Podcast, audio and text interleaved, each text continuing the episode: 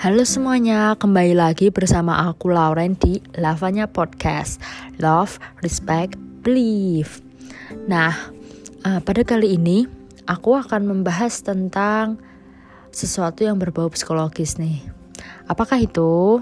Ya, betul sekali, itu adalah bagaimana menjadi seorang introvert. Nah, jadi di podcast kali ini aku akan uh, membahas secara rinci tentang apa sih itu introvert? Jadi, pertama-tama aku akan memberikan uh, pengertian tentang introvert itu sendiri. Nah, sumber yang aku dapat salah satunya adalah dari website Introvert Dear. Wow, keren ya. Jadi di website ini khusus membahas tentang introvert. Oke, jadi menurut website ini definisi daripada introvert adalah seseorang yang uh, memilih berada dalam uh, kondisi lingkungan atau situasi yang calm, tenang begitu. Jadi mereka merasa kalau uh, perilaku bersosialisasi dengan banyak orang, terutama yang orang yang belum mereka kenal sama sekali itu akan uh, menguras energi mereka. Jadi ya mereka lebih memilih untuk uh, mempunyai banyak waktu me time atau waktu untuk dirinya sendiri daripada bersosialisasi. Nah, dan mereka merasa dengan spending time alone ini mereka mendapatkan kembali energi mereka gitu. Nah, menurut uh, penelitian secara ilmiah dikatakan bahwa uh, otak para orang introvert ini mempunyai respon yang berbeda terhadap dopam dopamin daripada orang yang ekstrovert. Jadi ya bisa dikatakan uh, salah satu faktor itu ya berada dalam kondisi mental atau fisik daripada orang itu sendiri gitu. Tetapi sebenarnya perilaku introvert ini dapat muncul karena adanya pengaruh dari luar juga. Ya, contohnya dari pengalaman hidup kita. Misalnya jika kita punya uh, pengalaman buruk dengan masa lalu, uh, misalnya kita sering kalau bahasa anak muda sekarang ya dikacangin nih. Dikacangin tuh seperti uh, kalau kita ngomong nggak ditanggepin, tidak didengarkan dan lain sebagainya. Nah, mungkin dari situ kita mulai berpikir aduh udahlah nggak usah ngomong lagi udahlah aku diem aja gitu. Dan ya pengalaman ini kebanyakan emang dikaitkan dengan pengalaman buruk ya seperti uh, pernah mengalami peristiwa pembulian atau apa pun lah pokoknya yang membuat kita tuh jadi males ngomong gitu. Nah tapi kembali lagi bahwa sebenarnya banyak banget jenis-jenis daripada uh, introvert itu sendiri. Karena kan ya manusia itu kompleks kan ya, banyak faktor yang mempengaruhi mulai dari hal yang sepele sampai yang besar gitu. Dan tentu itu berimbas pada uh, keadaan mental kita sehingga kita memiliki pemikiran atau perilaku yang berbeda antara satu sama lain. Begitu juga dengan introvert. Dan jenis-jenis introvert itu juga nanti akan kita bahas di bab selanjutnya. Nah, tapi mungkin contoh kecilnya itu seperti misalnya ada beberapa introvert yang uh, mungkin dia nggak butuh me time terlalu banyak, tapi bisa dikatakan dia tetaplah seorang introvert gitu. Tetapi menurut website yang masih sama yaitu introvert dear ini, uh, dia merasa bahwa para introvert ini pasti akan mengalami satu hal yang sama gitu yaitu dinamakan introvert hangover atau keadaan mental di mana seorang introvert merasa sangat lelah dan capek banget rasanya. Capek itu maksudnya secara mental ya. Maksudnya dia merasa tidak bisa fokus dikarenakan oleh perasaan bahwa uh, dia tuh merasa terlalu jauh gitu dari orang-orang di sekitarnya merasa bahwa aku sendirian gitu. Jadi di sini agak kompleks juga ya pemikiran seorang introvert ini. Uh, dalam artian satu sisi dia kurang suka bersosialisasi dan lebih memilih sesuatu yang privasi tetapi ketika itu terlalu um, besar porsinya dia juga akan merasa kebingungan gitu sampai kelelahan sendiri. Nah, lalu pasti banyak orang yang bertanya, apakah para introvert ini pemalu?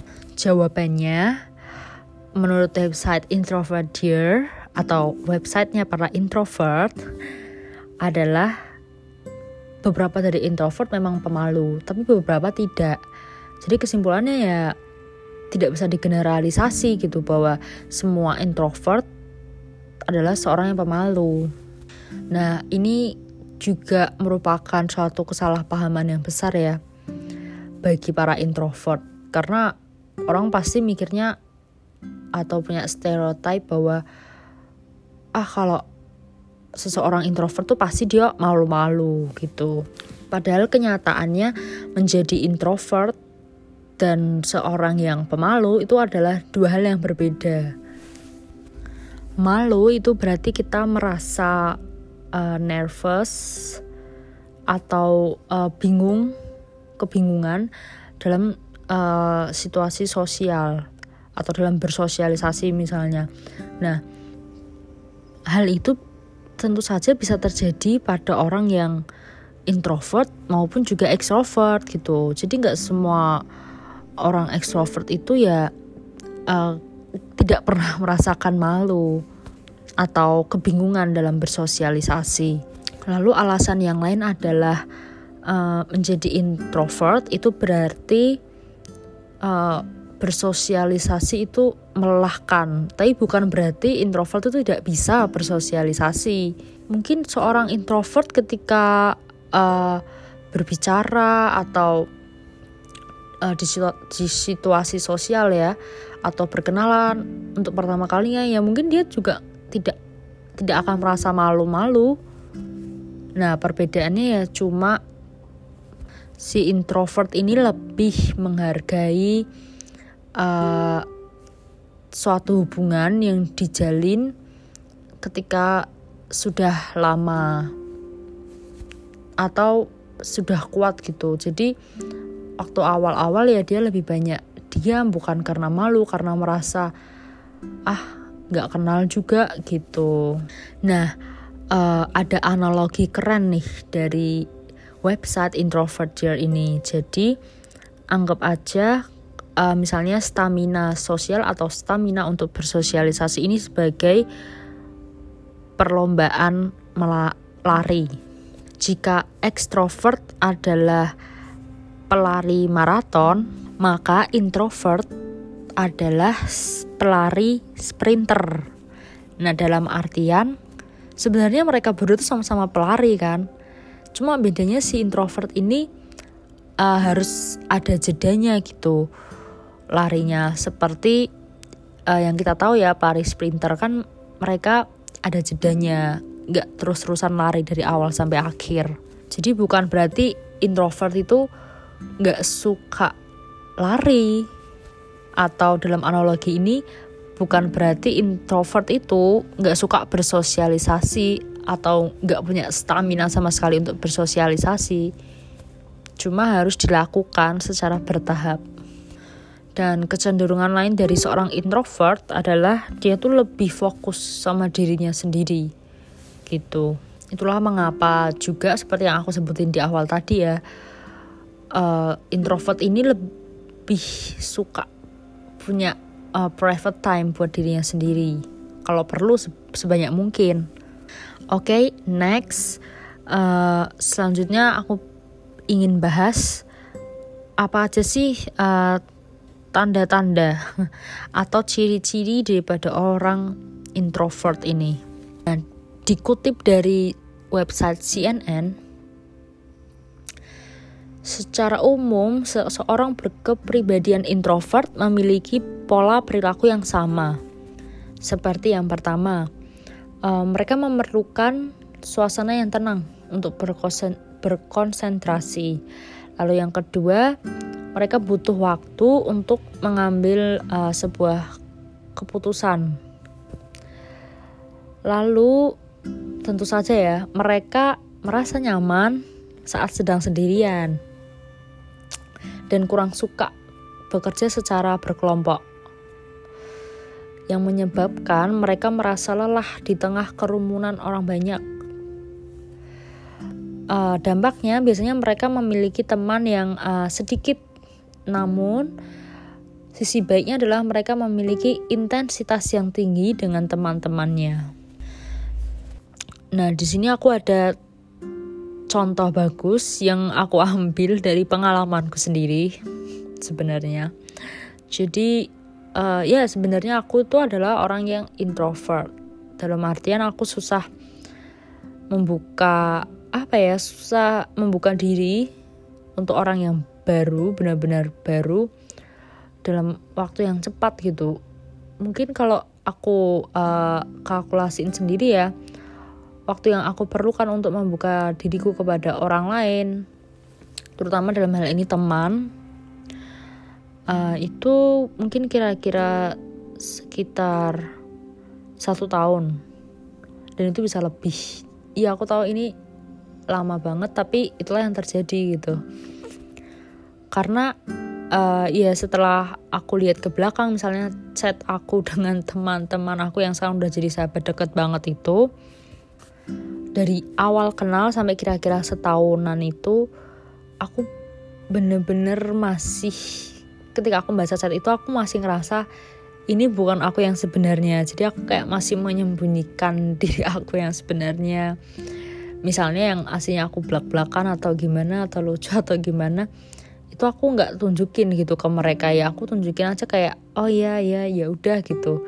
Kayak ya udah teman biasa gitu. Tapi bukan berarti ya uh, selama satu tahun itu aku nggak mencoba membuka diri ya. Ya aku mencoba tapi ya itu tadi seperti yang analogi pelari tadi sangat perlahan. Nah di sini uh, yang menurut aku uh, spesial ya untuk diutarakan dan mungkin ada beberapa dari kalian yang merasakan hal yang sama dengan aku terutama kalian yang uh, memiliki perilaku introvert adalah yang pertama uh, mungkin aku nganggapnya orang introvert ya termasuk aku gitu tapi aku lihatnya dari kacamata ku dan untuk menilai diriku ya aku nggak mau menggeneralisasi. Tapi menurut aku orang introvert itu uh, mereka uh, susah ditebak gitu. Jadi gimana ya bahasa gaulnya poker face lah ya. Jadi ya misalnya pun kalian merasa udah dekat atau gimana tapi semacam ada satu pembatas gitu yang yang dibuat oleh si orang introvertnya ini sendiri. Pembatas itu kayak ingin bilang bahwa ya udah cukup sampai sini aja gitu uh, kita kenalnya atau ngobrolnya gitu. Jangan melewati batas itu gitu. Terus yang kedua uh, ini dari pengalaman aku. Yang lain ketika aku duduk di bangku SMA ya sebenarnya aku tuh uh, dibilang extrovert banget juga enggak tapi aku lebih cenderung ke introvert. Karena kan emang kompleks kan penentuan uh, kita introvert atau extrovert karena introvert juga jenisnya juga banyak dan lain sebagainya. Nah tapi aku merasa uh, bisa waktu itu untuk masuk ke sub-sub orang uh, atau kelompok. Tapi aku tetap menjaga keintrovertanku gitu. Jadi uh, kalau udah jelasin nih aku bisa main sama empat kelompok sekaligus tapi mereka nggak main bareng. Tapi aku main sama each of them eh, masing-masing dari mereka. Dan ya udah gitu. Ya bisa-bisa aja tapi uh, each apa each of the group atau masing-masing kelompok itu kembali lagi ke alasan nomor satu. Aku tetap ngasih batasan gitu ke mereka.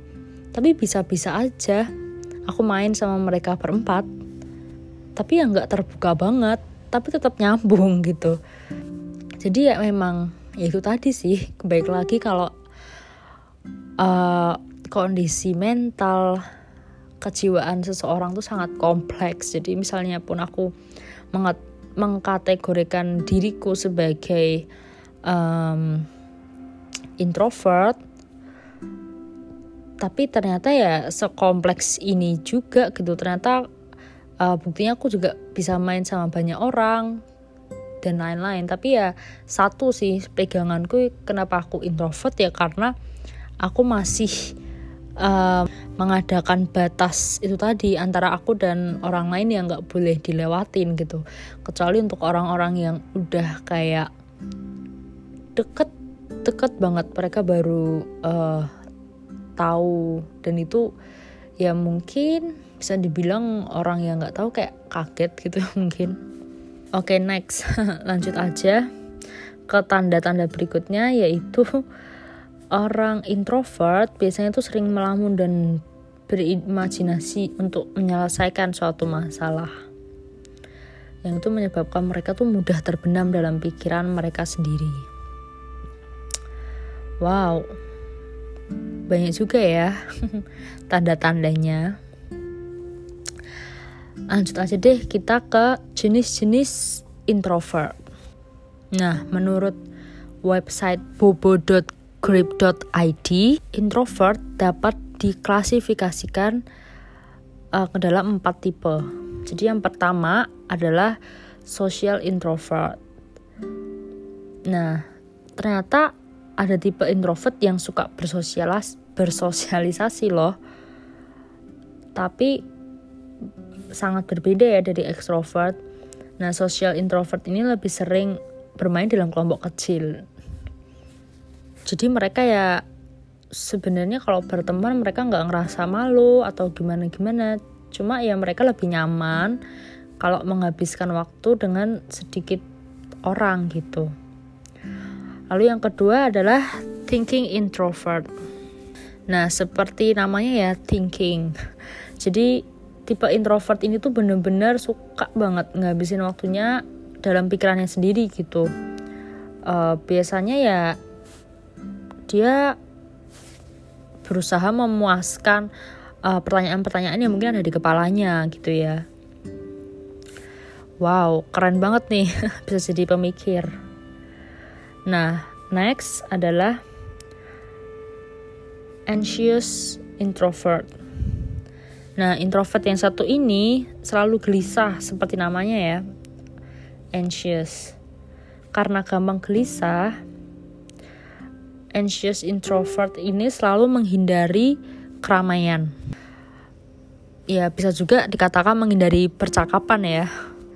Atau upaya sosialisasi dengan orang-orang karena mereka terlalu malu bicara dengan orang baru.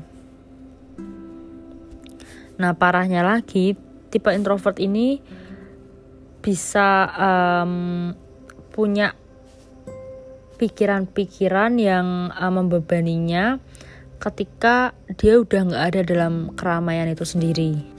Mungkin karena sebelumnya tuh mereka tidak bisa menyampaikan sesuatu dengan baik di depan banyak orang atau berkenalan dengan beberapa orang jadi dia merasa kayak aduh gagal nih aku gagal nih aku gitu ya dan yang terakhir adalah restrained introvert nah sesuai dengan namanya restrained introvert atau introvert yang tertahan biasanya tuh uh, sangat lambat dalam melakukan sesuatu. Mereka rela meluangkan waktu lebih banyak untuk berpikir, berbicara, dan bertindak supaya tidak salah. Nah, biasanya restrained introvert ini lebih memilih berrelaksasi dengan cara melakukan semuanya tuh dengan perlahan-lahan. Jadi kayak slow gitu. Tapi slownya bukan berarti dia kayak menyepelekan ya tapi lebih karena ya aku mau relax aja gitu. Dan yang terakhir ada juga uh, kepribadian ambivert nah ambivert ini mungkin uh, bisa dibilang bukan terma uh, bukan termasuk ke dalam introvert tapi dia lebih ke apa ya pinggiran dari introvert di mana dia itu uh, suatu kepribadian yang berada di antara introvert dan extrovert. Wow, ternyata sekompleks itu ya uh, introvert banyak banget gitu jenis-jenisnya. Nah, uh, selanjutnya aku akan bahas tentang apa aja sih keuntungan menjadi seorang introvert atau uh, bisa dikatakan kelebihannya tuh apa sih jadi orang yang introvert ini? Nah, kelebihan pertama adalah seorang introvert itu biasanya dapat menjadi seorang pendengar yang baik. Jadi misalnya ada orang yang berbicara uh, kepada seorang introvert, nah introvert itu akan berusaha memproses informasi itu secara internal gitu. Jadi benar-benar sekali dia tuh uh, memperhatikan, mendengarkan. Nah jadi di situ mereka tuh nggak cuma ibaratnya mendengarkan masuk kuping kanan keluar kuping kiri gitu ya. Mereka bener-bener uh, nangkep apa yang dimaksud dan mereka berupaya uh, untuk memberikan tanggapan atau respon yang baik gitu. Dengan wawasan yang um, sudah mereka pertimbangkan dengan cermat. Keren juga ya. Enak nih buat jadi teman curhat. Nah lalu selanjutnya uh, seorang introvert itu selalu berpikir sebelum berbicara. Sebenarnya ya semua orang sebelum berbicara atau melakukan sesuatu pasti ya dipikir dahulu kan. Tapi uh, di sini bedanya ada penekanan bahwa introvert itu kan jarang suka ngomong gitu ya. Jadi sekalinya mau ngomong itu ya bener-bener dipikirin tuh lama banget panjang banget gitu jadi biasanya orang introvert tuh kalau kerja kelompok atau meeting atau pertemuan apa pun gitu dia tuh cenderung ya ngomongnya dikit atau bahkan nggak ngomong sama sekali. Tapi bukan berarti mereka nggak memperhatikan ya. Ya cuma itu adalah ya itu adalah kepribadian mereka gitu.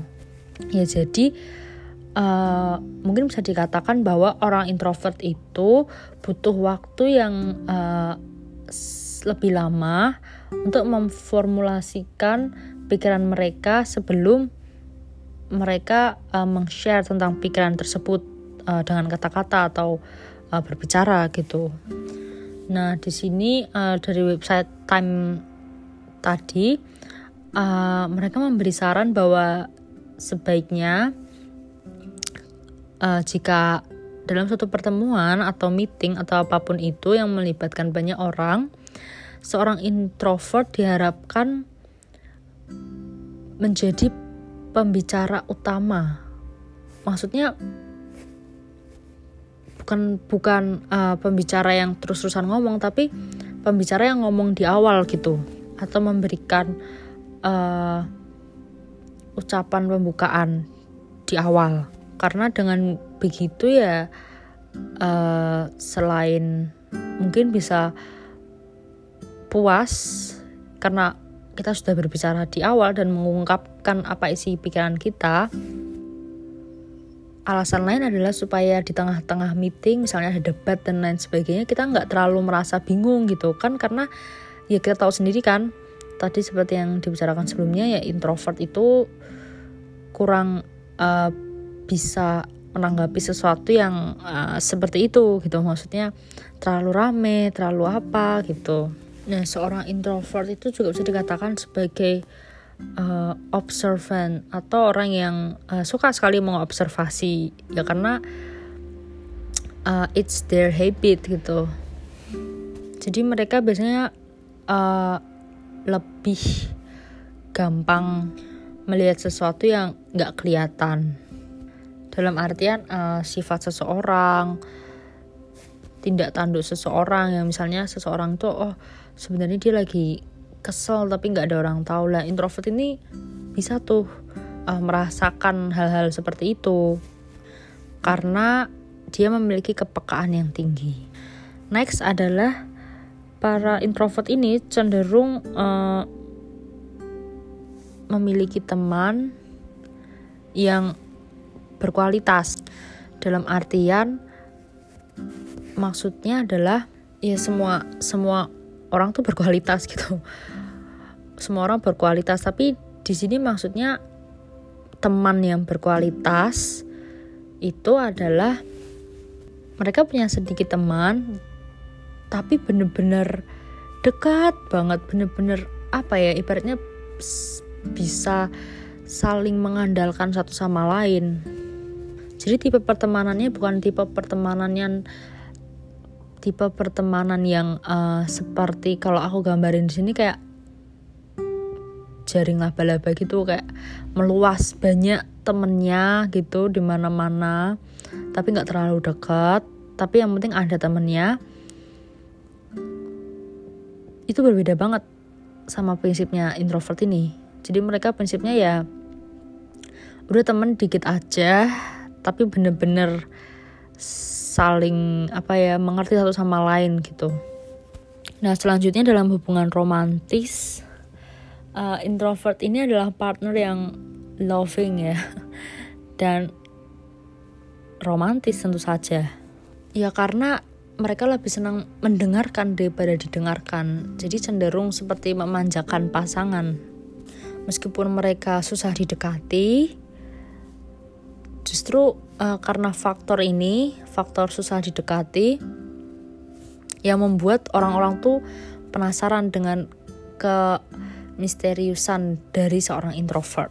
Selanjutnya, seorang introvert adalah seorang pemimpin atau bisa juga uh, seorang partner dalam artian uh, partner lebih ke partner kerja ya, bukan partner pertemanan atau partner uh, percintaan seperti yang kita bahas sebelumnya, uh, mereka adalah seseorang yang sangat perhatian. Dalam arti uh, dalam pekerjaan yaitu jika mereka bekerja dalam suatu kelompok ya meskipun uh, mereka sebenarnya tidak suka kan bekerja dalam suatu kelompok tapi dia akan berusaha semaksimal mungkin gitu dalam uh, pekerjaan kelompok itu supaya hasilnya maksimal tetapi di akhir mereka tuh cenderung tidak suka disorot gitu. Jadi ibaratnya ya mereka ngerjain semaksimal mungkin tapi uh, gak terlalu suka kalau pekerjaannya tuh uh, ditunjuk-tunjukkan gitu. Ya dia ya udah kayak ya udah aku ngerjain kan memang kewajibannya gitu itu. Dan sebagai misalnya seorang pemimpin ada seorang pemimpin yang introvert biasanya mereka uh, pendekatan ke anak buahnya atau bawahannya itu lebih ngena gitu di hati. Karena bener-bener pendekatannya tuh satu-satu nggak yang langsung kayak banyak atau gimana gitu tapi dia lebih ke kualitas dari hubungannya dengan bawahannya itu. Wow keren banget nih kalau jadi pemimpin jadi bener-bener uh, para pegawai atau bawahannya itu merasa kayak deket banget gitu sama atasannya. Nah selanjutnya uh, para ini dinilai memiliki kreativitas yang tinggi. Lalu dikenal sebagai seorang pemikir dan sosok yang mandiri karena mereka kan lebih nyaman melakukan segala sesuatu, sesuatu sendiri. Serta yang terakhir, mereka dianggap sebagai satu pribadi yang sederhana karena tidak mau menjadi pusat perhatian. Nah, selanjutnya langsung aja nih. Tak ada gading yang tak retak. Jika ada kelebihan, maka ada juga kekurangan. Kekurangan daripada introvert itu sebenarnya lebih dikit sih daripada kelebihannya. Ya karena kan kita harus fokus kepada kelebihan aja kan. Apalagi membicarakan masalah uh, mental atau kepribadian seperti ini yang sangat kompleks gitu nggak bisa dinilai langsung dari dua sisi baik banget oh buruk banget kekurangan yang pertama adalah orang introvert sering banget dikira antisosial ya wajar sih karena kan ya mereka sering uh, mungkin menolak ajakan-ajakan untuk uh, pergi rame-rame atau ke pesta dan lain sebagainya. Tapi kan bukan berarti mereka itu seorang yang antisosial gitu. Nah, mereka juga dianggap kurang susah membaur. Lalu perilaku dan tindakannya susah ditebak. Sehingga biasanya uh, orang introvert itu susah uh, punya teman baru atau memulai hubungan percintaan yang baru. Nah, tidak semua orang memiliki hasil yang pasti bahwa uh, entah ia seorang introvert atau ekstrovert karena kan seperti yang udah aku bilang berkali-kali dari awal manusia itu kan juga kompleks ya. Jadi tidak apa-apa sebenarnya kalau beberapa dari kita tuh cenderung menilai diri kita sebagai introvert atau extrovert. Karena memang sebenarnya ini bukanlah perkara besar seperti penyakit. Dalam hal ini aku misalnya tentang penyakit mental ya. Jadi kalau kita mengira seperti itu bukan berarti kita uh, semacam self diagnosis gitu bukan. Karena beda konteks. Kalau self diagnosis itu ya uh, lebih ke sesuatu yang seperti penyakit gitu. Misalnya oh aku bipolar nih aku ini nih. Dan itu uh, karena ini berbau psikologis juga ya uh, podcast kali ini aku juga mau nekain buat teman-teman jangan sampai self diagnosis juga karena itu akan berdampak buruk juga bagi kita ke depannya. Jadi lebih baik langsung konsultasikan ke ahlinya saja. Tapi masalah introvert extrovert ini kan tidak tidak se uh, apa ya sedalam itu gitu. Karena ini bukan penyakit. Cuma ibaratnya uh, pengelompokan kepribadian uh, di permukaan gitu. Dan ingat, manusia kan juga makhluk yang dinamis ya yang bisa dikatakan tanggaplah terhadap perubahan. Jadi bisa aja nih awalnya kita introvert terus berubah jadi extrovert. Maka dari itu uh, kesimpulannya adalah apa pun kepribadiannya baik introvert, extrovert atau ambivert atau banyaklah jenis-jenisnya juga kan jenis-jenis introvert sendiri ada banyak tadi kita udah uh, bicarakan ada empat extrovert juga mungkin ada lagi Semoga uh, pengelompokan pengelompokan ini tidak menghalangi kita untuk tetap berbuat baik sebagai seorang introvert atau sebagai seorang extrovert. Dalam artian jangan sampai kita merugikan orang lain. Dan jangan sampai ada alasan bagi kita untuk merasa minder. Misalnya ketika kita tahu bahwa diri kita seorang introvert yang agak susah bergaul dan lain sebagainya seperti ciri-ciri yang udah aku sebutin, kita jadi merasa menyalahkan diri sendiri. Ih, kenapa sih aku jadi introvert? Terus akhirnya memaksakan diri jadi seorang ekstrovert gitu.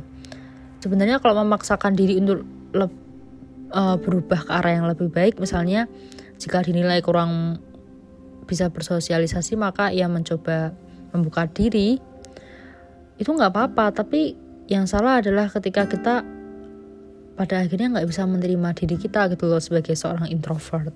Kita memiliki kepribadian dan di dalamnya terdapat suatu keunikan yang membuat diri kita spesial jadi tetap syukuri apa yang ada dalam diri kita sekarang dan kembangkan ke arah yang lebih baik sekian dulu dari aku Lauren jika ada pertanyaan atau mau curhat, apa pun itu silahkan kirim ke DM Instagram at lavanya.podcast atau kirim email ke lavanya.podcast@gmail.com.